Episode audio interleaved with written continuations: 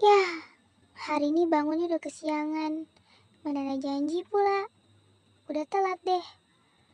Hmm, saat teduhnya besok aja deh. Tuhan pasti maafin gue kok. Kan dia pemurah. Eits, tunggu dulu bro. Jangan cepet-cepet ambil kesimpulan tentang Tuhan gitu dong. Bilangan 14 ayat 18 mengatakan, Tuhan itu berpanjangan sabar dan kasih setianya berlimpah-limpah. Ia mengampuni kesalahan dan pelanggaran, tetapi sekali-kali tidak membebaskan orang yang bersalah dari hukuman. Coba deh, lo pertimbangin ayat ini sekali lagi. Bener sih, di satu sisi emang Tuhan itu pemurah.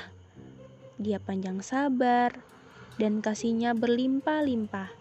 Tapi jangan salah, Alkitab itu seperti koin dengan dua sisi. Di sisi lain, Galatia 6 ayat 7 sampai 8 bilang kalau dia gak membiarkan dirinya dipermainkan oleh kita. Dia tahu harus memberikan kemurahan dan kasihnya kepada siapa yang layak. Dan dia juga tahu harus memberikan pendisiplinan kepada siapa yang melakukan kesalahan. Jadi, bro and sis, Jangan dikit-dikit gampang memaafkan diri kalau tahu diri lo salah dan gagal. Mendingan saat tahu kesalahan lo, baiknya bertobat dan akui kesalahan lo itu. Tuhan yang murah hati itu pasti mau kok mengampuni lo.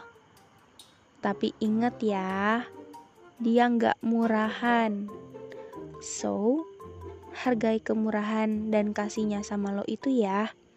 Kalau pagi ini udah gagal untuk saat teduh, jangan cepet-cepet nyerah ya guys. Tuhan yang murah hati masih nunggu lo tuh di persekutuan lo sama dia selanjutnya.